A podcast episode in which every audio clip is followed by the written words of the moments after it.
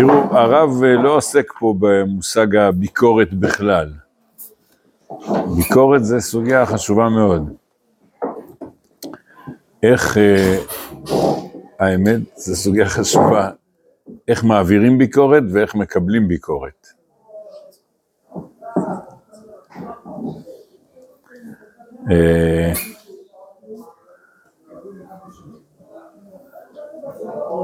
אתם זוכרים פעם שאיזה מורה נתן לכם על הראש? איזה רב, כן? העביר עליכם ביקורת, כיסח אתכם. טוב, זו סוגיה ארוכה, אבל פה הרב...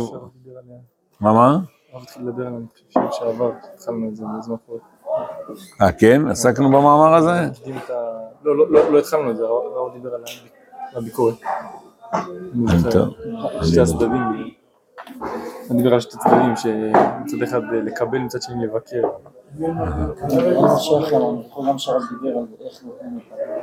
כן, טוב.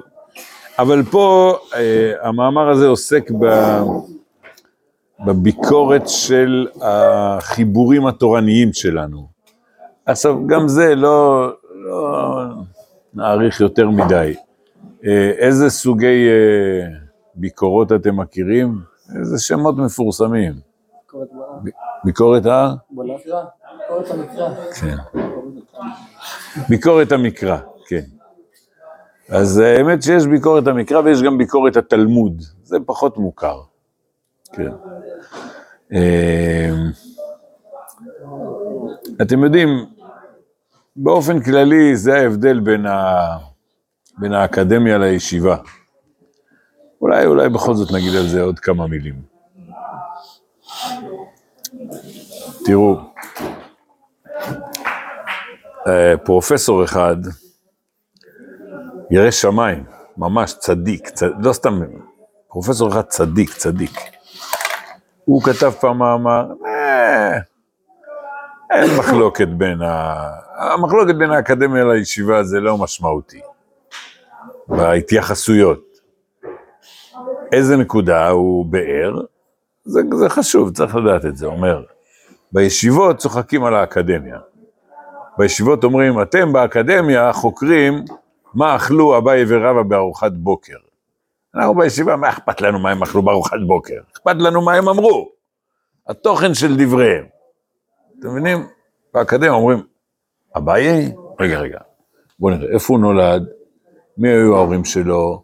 מה הסביבה התרבותית שלו? מה השפיע עליו? איזה מאורעות בחיים? לפי זה אנחנו נבין שאם הוא אמר במסכת כך, כך וכך, אז... בסדר? ובישיבה אומרים, אה, עזוב אותי, אביי אמר ככה וככה, אנחנו לומדים מה שאביי אמר. אז רצה הפרופסור הזה להראות שזה חשוב לדעת גם את הנתונים הטכניים. אה, דרך איפה הוא הראה את זה? אה, יש, נו, ש... לא זוכר, אולי בחורף דיברנו על זה? לא, לא, הגענו לפרק 15 בשבת, כבר לא זוכר. אה, אז התחלנו, אז דיברנו, בטח שמה דיברתי על זה, על הקשר הספנים. כן, כן, ספני בקשר לגמלים. נו, אז שמה הוא אומר, קשר הספנים, מה זה, ק- זה מושג הלכתי, מה זה קשר הספנים? רש"י אומר ככה, ככה אומר, תשמע, אתה חייב לדעת, בשביל לדעת מה זה קשר הספנים, אתה חייב לדעת יוונית עתיקה. עכשיו, זה, זה סוגיה, זה התוכן, בסדר? זה לא רקע של חי, חייהם של האמוראים, זה תוכן של ההלכה.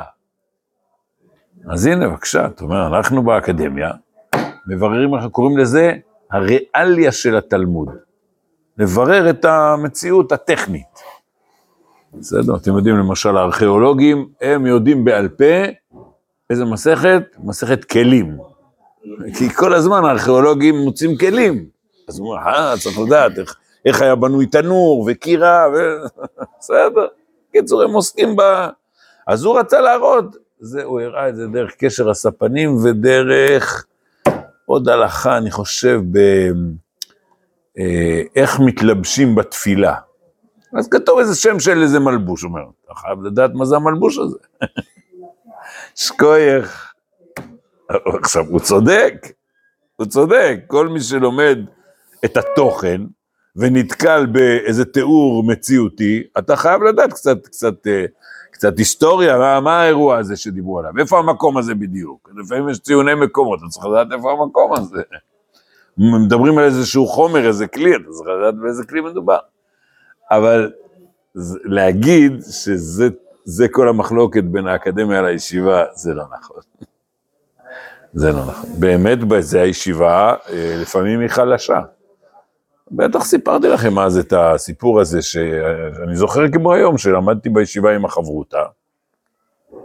לא זוכר באיזה שיעור הייתי, והגענו לפרק 13, העושה שני בתי נירין, ואז לא היה שוטנשטיין, שאנחנו למדנו את זה לפני 45 שנה, לא היה שוטנשטיין, והיה שטיינזלץ, הגמרות של הרב שטיינזלץ, לא עזר לנו. לא, לא, ניסינו להבין, לא הצלחנו להבין מה התמונה, מה הציור שם. אז, ולמדנו, אבל היינו ירושלמים, למדנו בישיבה בירושלים, ישיבת מרכז הרב. אז אמרתי לו, בוא ניסע. אמר לי, לא, תעזוב אותי. אז אמרתי לו, אז, אז עזבתי אותו. ונסעתי ל, לחוצות היוצר, אה, זה ליד אה, שער יפו, ושם נכנסתי לראות אנשים שהורגים בגדים בשיטות של פעם, מה אתה רוצה? אמרתי, אני רוצה ללמוד איך זה עובד, בבקשה, תיכנס, ראיתי איך זה עובד. עכשיו הבנתי מה זה, מה זה מכונת הריגה של פעם, ומה זה עושה, שני בתי נירים. חזרתי, חזרתי לישיבה, לקחתי כיסא, הפכתי אותו על השולחן, הבאתי חוטים, אמרתי לו, בוא, אני אבנה לך משהו דומה. הקיצור, זה מאוד חשוב להבין את המציאות. אתם יודעים, יש על זה בדיחות, ש... שאחד למד אה, הלכות טרפות, ויום אחד הביאו קורקבן, אז הוא אומר, אה, זה הייליגר, קורקבן, זה הקורקבן הקדוש, כאילו, הוא לומד, לומד, לומד, לומד, בחיים הוא לא ראה את זה בעיניים, אז מה אתה, על מה אתה מדבר אם לא ראית בעיניים? אתה חייב, אתה חייב לראות בעיניים. הקיצור, זה ברור שבישיבה אה, צריך, כשאתה מדבר על, על, כשאתה מדבר על איזה סברה משפטית, בסדר, זה משהו מופשט, אבל כשאתה מדבר על משהו ממשי, אתה חייב לדעת מה, מה התמונה של זה, לברר את זה. טוב, אבל קיצור, זה לא, זה לא טורף המחלוקת בגישה בין האקדמיה לישיבה. התורף המחלוקת זה שכל אדם בישיבה שניגש לדברי התורה, הוא, הוא ניגש בהתבטלות, ביראת שמיים, בסדר? הוא אומר, מה, מה הרמב"ם מתכוון פה? בסדר?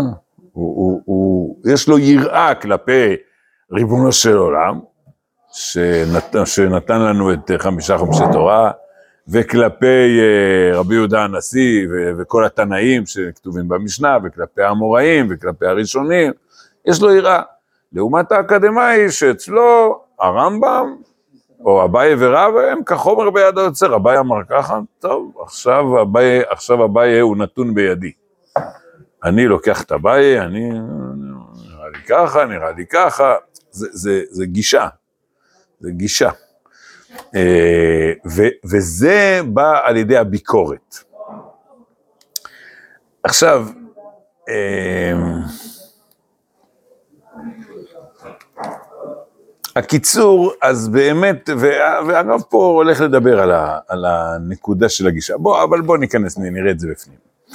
אה, כל ספר כשהוא לבדו, מגלה רק חלק מצמצם וקטן מהרגש או השכל. וכדי לדעת את ערכו האמיתי, אפשר רק כשמוצאים את הקשר שבינו ובין הכלל כולו.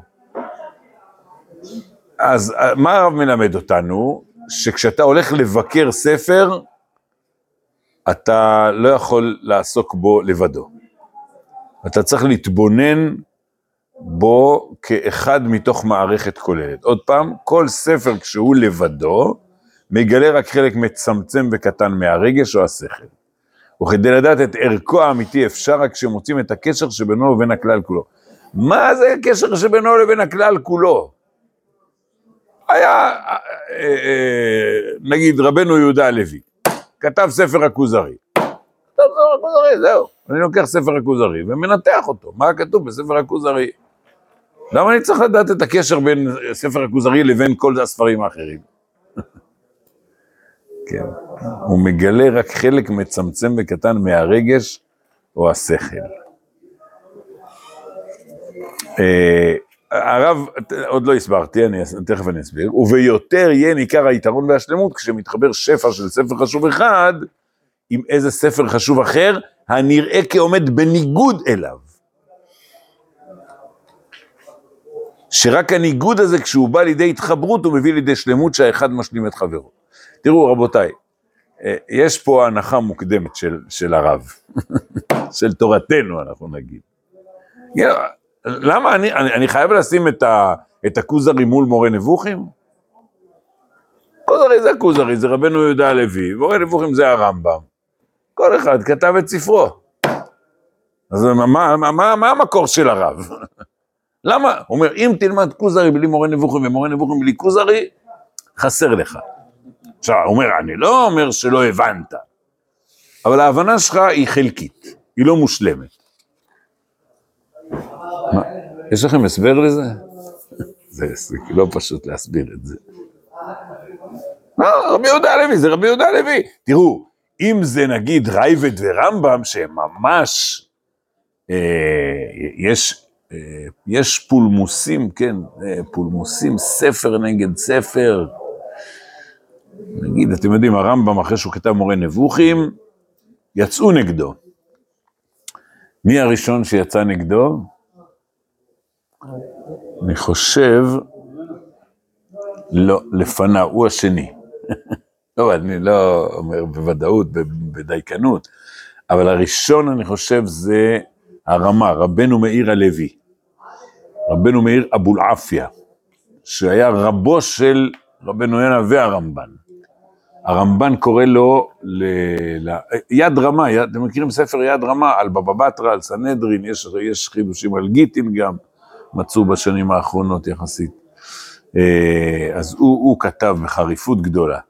הרמב"ן קורא לו נשיא נשיאי הלוי. רבנו מאיר אבולעפיה, היה בספרד. אז אתה אומר, טוב, אתה רואה, ספר, ספר, יש, יש פולמוס, יש פולמוס, אבל רבי יהודה הלוי, הוא לא הכיר את הרמב"ם. והרמב"ם, האם הוא הגיב על הספר הכוזרי? הוא לא מזכיר אותו בכלל. האם הרמב"ם ראה את ספר הכוזרי? לא יודע. לא יודע. אז למה הרב קוק אומר פה, בסדר, הרב אומר בכלל, לא רק, אני נתתי דוגמה עכשיו של שני ספרים. הרב אומר לנו ככה, רבותיי, זה, זה מאוד חשוב. התורה, יש עליה השגחת השם. מאיפה הרמב"ם נולד? היו לו הורים. אה, נכון. שלושה שותפים, אבל שלושה שותפים באדם. אביו ואימו והקדוש ברוך הוא. הקדוש ברוך הוא שלח את רבי יהודה הלוי לעולם, ואת הרמב"ם לעולם, הבנתם? וההתגלות האלוקית בסייעתא דשמיא שיש לחכמים האלה, לא היה להם נבואה, אבל סייעתא דשמיא, אומר הרב, צריך להסתכל על כל תורתנו כיצירה של תורה אלוקית שעוברת דרך בני אדם. ולכן הכל במערכה אחת. וצריך תמונה שלמה. והרב עושה, עשה את זה. אה, הלאה, ואת הדבר הזה אנו צריכים תמיד, אה, אה, נקרא שוב, אה, עוד פעם אני אקרא, וביותר יהיה ניכר היתרון והשלמות, כשמתחבר שפע של ספר חשוב אחד, עם איזה ספר חשוב אחר, הנראה כעומד בניגוד אליו. דווקא אם תיקח שני ספרים שהם מנוגדים, אז אתה תבין. אה, יותר, שרק הניגוד הזה, כשהוא בא לידי התחברות, אה, הוא בא לידי התחברות? מי אמר שהוא בא לידי התחברות? אם הקדוש ברוך הוא שלח את שניהם, אז זה מחובר, בסדר? לשניהם היה סייעתא דשמיא האלוקית, אז רק הניגוד הזה, כשהוא בא לידי התחברות, הוא מביא לידי שלמות, שהאחד משלים את חברו. זה דומה כמו אה, דברי חכמינו במסכת עירובין, על בית שמאי ובית הלל. אלו ואלו דברי אלוקים חיים. מה זאת אומרת? לשניהם יש סייעתא דשמיא. והדברי אלוקים, רגע, מי צודק? שניהם. מה ההלכה? זו שאלה נפרדת. בסדר? אבל שניהם משקפים סייעתא דשמיא. תורה אלוקית שעוברת דרך בית שמאי, עוברת דרך בית הלל. מה אתה שואל? אם זה אפיקורסות שמתלבשת דברי תורה, זה צריך להתייחס גם כ- כקורס שמתיימר להיות אה, דובר תורה, אז צריך צריך להתייחס לזה כחלק מהמערכה הזאת, או ש... או כמשהו חיצוני? אבל זה הרב כותב במקום אחר, כן, כן. אפיקורסות, אה, גם אותה הקדוש ברוך הוא שלח לעולם. כן. הכופרים, הכופרים, כן, הרב כותב את זה. הכופרים, הם באו לאתגר אותנו, כן, אבל זה מכיוון אחר. כן, צריך להתייחס לשאלות שלהם. אה, ואת הדבר הזה אנו צריכים תמיד לשום על ליבנו כשאנו מדברים על דבר ספרנו הפנימיים. טוב, אולי לא רק הפנימיים, שרק אז תראה היהדות בשלמותה. הנה, אומר, מי, מי אחראי על היהדות? הקדוש ברוך הוא. אם נשקיף על כל ספר וספר כעל אחת מאבני היכל גדול שכולן מתחברות יחד לבניין אחד ענקי ושלם, כי אף על פי, או, הנה, כי אף על פי שיש ליהדות צדדים שונים, הרי באמת חטיבה אחת. אלו ואלו דברי אלוהים חיים. ורק אז תביא השפעת הספרים את ברכתם המרובה. אז הנה, הרב הסביר. זה, מה שאני הסברתי, הנה, זה מה שכתוב פה. הוא אומר, זה דברי אלוקים. זה סייעתא דשמיא שמתגלה אלינו דרך מחברים מנוגדים, ואם הם היו נפגשים, יכול להיות שהם היו ממש נלחמים אחד עם השני. והם מתווכחים בבית המדרש, ו... הכל בסדר, כמו שבית שמאי ובית הלל התווכחו. ואנחנו אומרים, אלו ואלו, דברי אלוקים חיים. אז, אז, אז זה נובע מההסתכלות על, על כל תורתנו כהופעה של דבר אחד. שמע ישראל, השם אלוקינו, השם אחד, שמופיע בצורות שונות. תראו, אה, ביקורת המקרא, אתם מכירים קצת את ה... נו, מה אומרת ביקורת המקרא באופן כללי? מה השיטה, השיטה. כל אחד יפרש איך שהוא רוצה. לא, אבל יש, יש יסוד בשיטה, בשיטה שלהם. הרי בתורה יש סגנונות שונים. אה, אז זה פשוט כמה מחברים.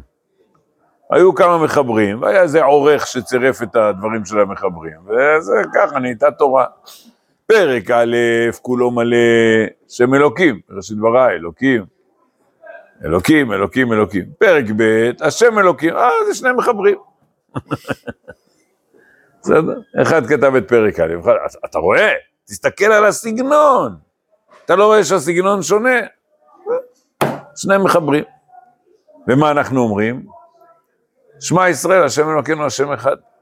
הקדוש ברוך הוא רצה להתגלות בסגנונות שונים, נכון?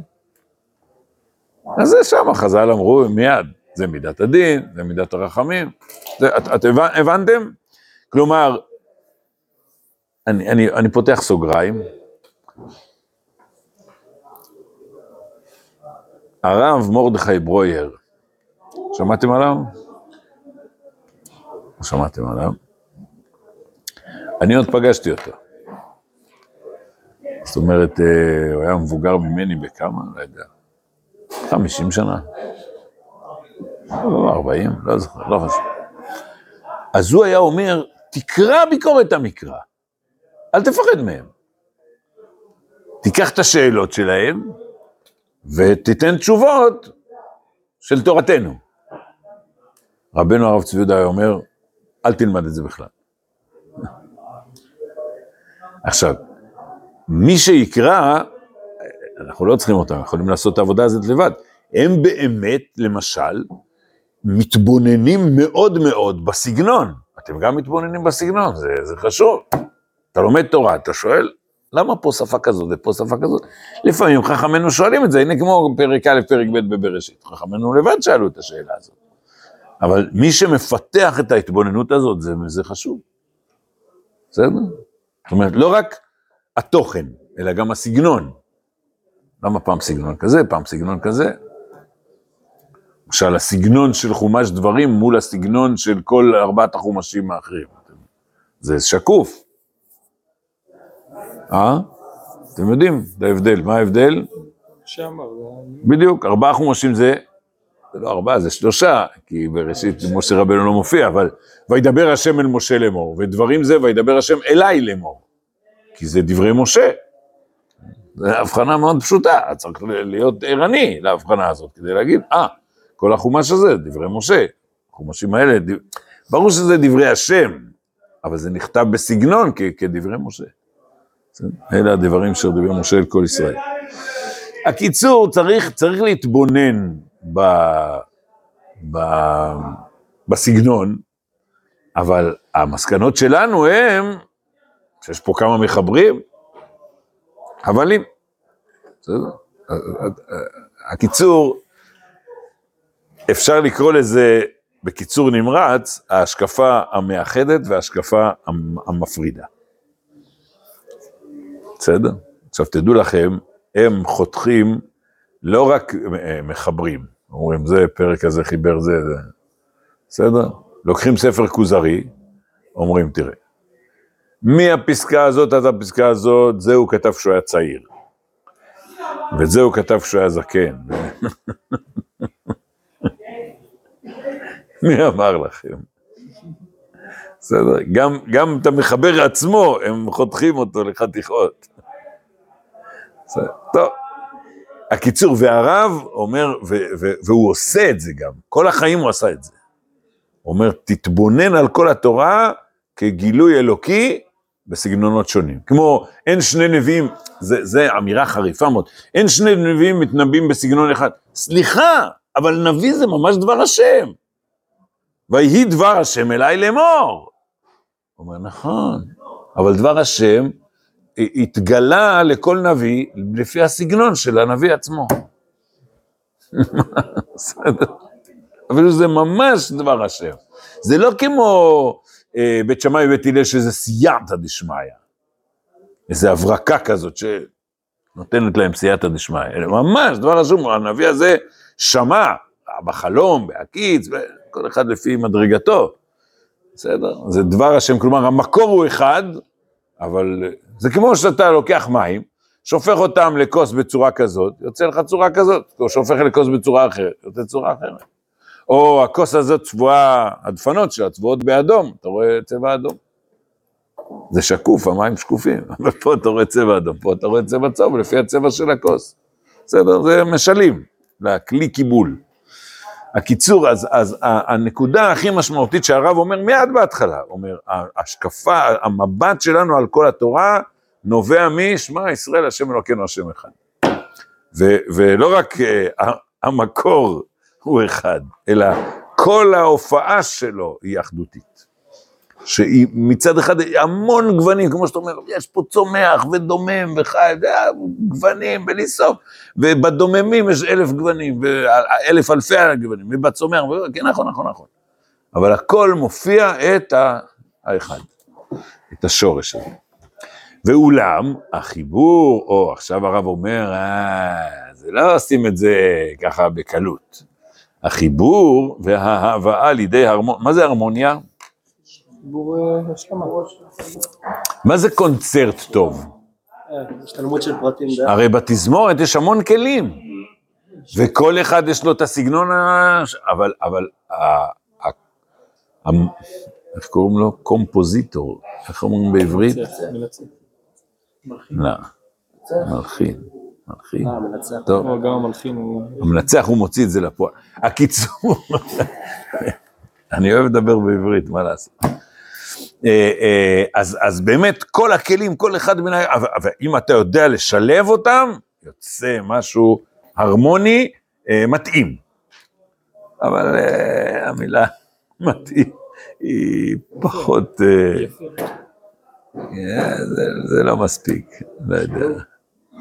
כן, השתלבות, כן, הרמוניה. טוב, ואולם, אתה אומר, תגיד, איך, איך נראה שכולם הם מבטאים שורש אחד? אה, אז החיבור וההבאה לידי הרמוניה דורשת כישרון, אימון רוח, וביותר עמל ומנוחת הדעת. זה לא משחק ילדים, זה עבודה קשה. הבאה על ידי עסק של קביעות והרגל של חינוך יפה, יפה באהבת הדת, אהבת ישראל, אהבת תורה ואהבת שמיים. יש uh, הרבה תנאים. Uh, אה, עד שאתה יכול באמת אה, לעשות את זה.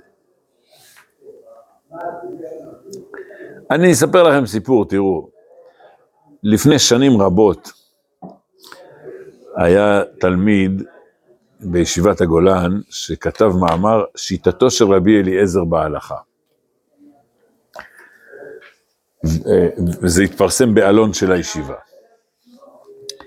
ואני קראתי את המאמר וזה ממש עצבן אותי, וכתבתי תגובה.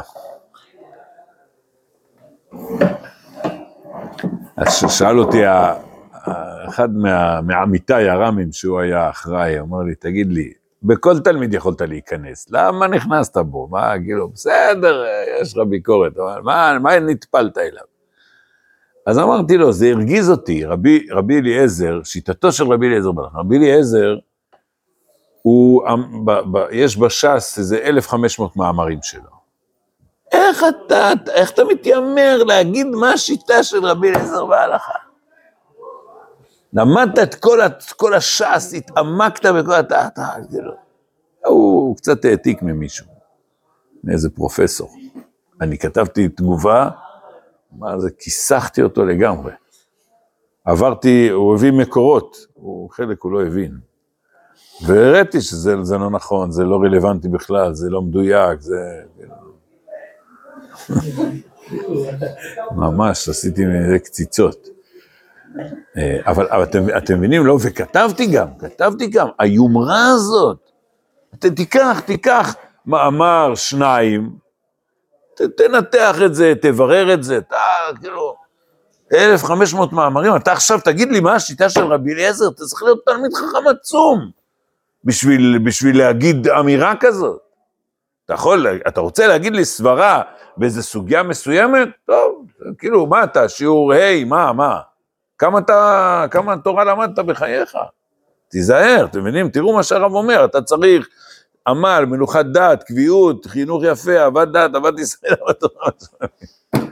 קיצור, זה לא, זה לא משחק ילדים, להגיד, אני עכשיו מבין את זה.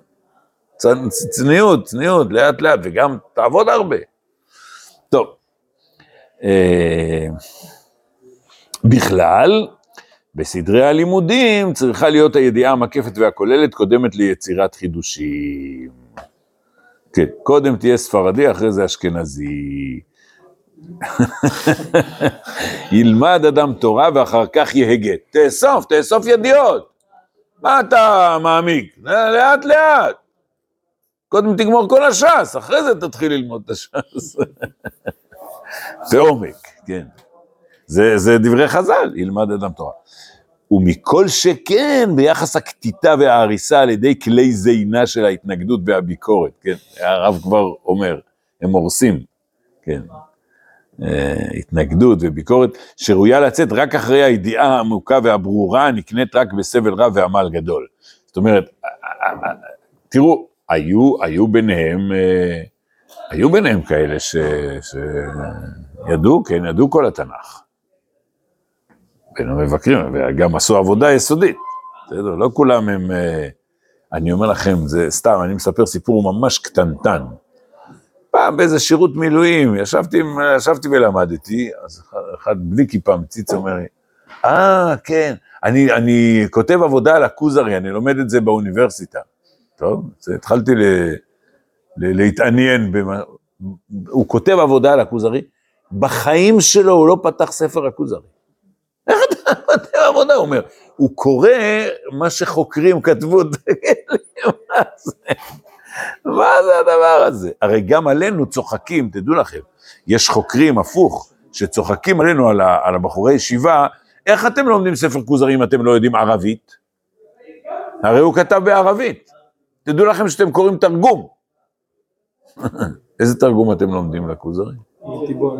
יש אבן תיבון, יש אבן שמואל, יש אה, הרב קפר, בסדר? אומרים, אתה חייב, ויש בזה מן האמת. כשאתה לומד משהו לא בשפה המקורית שלו, התרגום, זה תמיד פרשנות. קרוב, לא? לפעמים יש הבדלים. יש אמת בטענה הזאת, אתם יודעים? אז הוא לא רק, לא רק שהכוזרי זה ספר מתורגם, הוא בכלל לא קרא את הספר, רק קרא מה שכמה חוקרים כתבו, מה זה, זה, זה, זה זלזול. מה זה עבודה. בקיצור, ידיעה עמוקה, ועוד מקור, הסכת ושמע ישראל, הס, ואחר כך כתת. מה זה הס? תשתוק, בסדר? מה זה כתת? כשאתה עושה ביקורת, אתה מתחיל לחתוך מפה לשם, להגיד, רגע, זה נראה לי ככה, נראה לי ככה, נראה לי ככה. קודם כל, אבל תשתוק, כלומר, תקשיב, ת, תדע את, את, אה, את הידיעה הפשוטה, אה, שיש בה כמויות, אתה צריך ללמוד קודם. אה, והידיעה הרבה גם היא אינה מספקת אם לא ילוו אליה גם שאר המעלות המוסריות שמבעדן אי אפשר, לה, אי אפשר לה להאמת להתגלות. טוב, זה, הטענה הזאת לא מקבלים באקדמיה בכלל. תגיד, אתה מוסרי? מה אכפת לכם אם אני מוסרי? אני הפסיכומטרי קיבלתי כמה? 800? אבל בשביל המחלקה למחשבת ישראל מספיק, כן, טוב. קיצור, אתם מבינים? הוא קיבל בפסיכומטרי 800. אבל הוא בן אדם מושחת, מה זה קשור? והרב אומר, לא, כדי לכוון לאמיתתה של תורה, להבין מה רצה ריבונו של עולם, לשדר לנו דרך בית שמאי ובית הלל, דרך הכוזרי, רבנו יהודה הלוי ודרך הרמב"ם, צריך להיות ירא שמיים, צריך להיות מוסרי. אז לכן הרב אומר, בלי מעלות מוסריות אי אפשר לה להאמת להתגלות.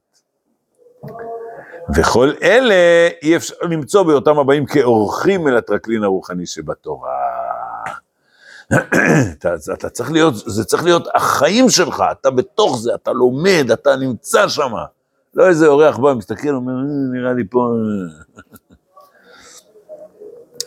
ואורחים, ופה הרב חוזר לנקודה המוסרית, אורחים שאינם מתקשטים כלל כשהם נכנסים. זה הנקודה המוסרית. זאת אומרת, אורח, אתה, אתה, אתה, אז זה לא רציני, הביקורת שלך היא לא רצינית. אתה באת, נכנסת שתי דקות, מה אתה, אתה, אתה תהיה פה שנה, שנתיים, ואז תדבר. תראה באמת מה קורה פה. מה, איך אורח יכול להעביר ביקורת? רע, איזה, בסדר? אז, אז ההערה הראשונה זה הערה של חוסר יסודיות, אבל ההערה השנייה זה שוב הערה מוסרית. אומר הרב, אורחים, ש... מה, מה, מה, למה צריך להתקשט? שאינם מתקשטים כלל כשהם נכנסים, כי הטרקלין, הטרקלין הרוחני המכובד והנקדש הזה, נחשב בעיניהם כאיזה פונדק, שכל הולל ופוחז יכול להיכנס בו ברפש שבסנדליו וברבב שעל בגדו, ובכל זוהמת החיים שבגופו ונשמתו. לא נעים לקרוא את זה. זאת אומרת, אבל זה הטיעון הקודם, כן? והם הם פה הם יגידו, לא מקבלים את זה. אז מה אם יש לי נטייה לבזות? להסתכל על זה, אה, תורה שלכם, אה, מה, מה תרמתם פה, אה, סתם, לא רציניים. בסדר? הרב אומר, זה תנאי, תנאי, תנאי יסודי. אתה חייב לכבד את מה שאתה חוקר אותו. את תורתנו בוודאי. טוב, אנחנו, בסדר? נשלים בעזרת השם שבוע הבא.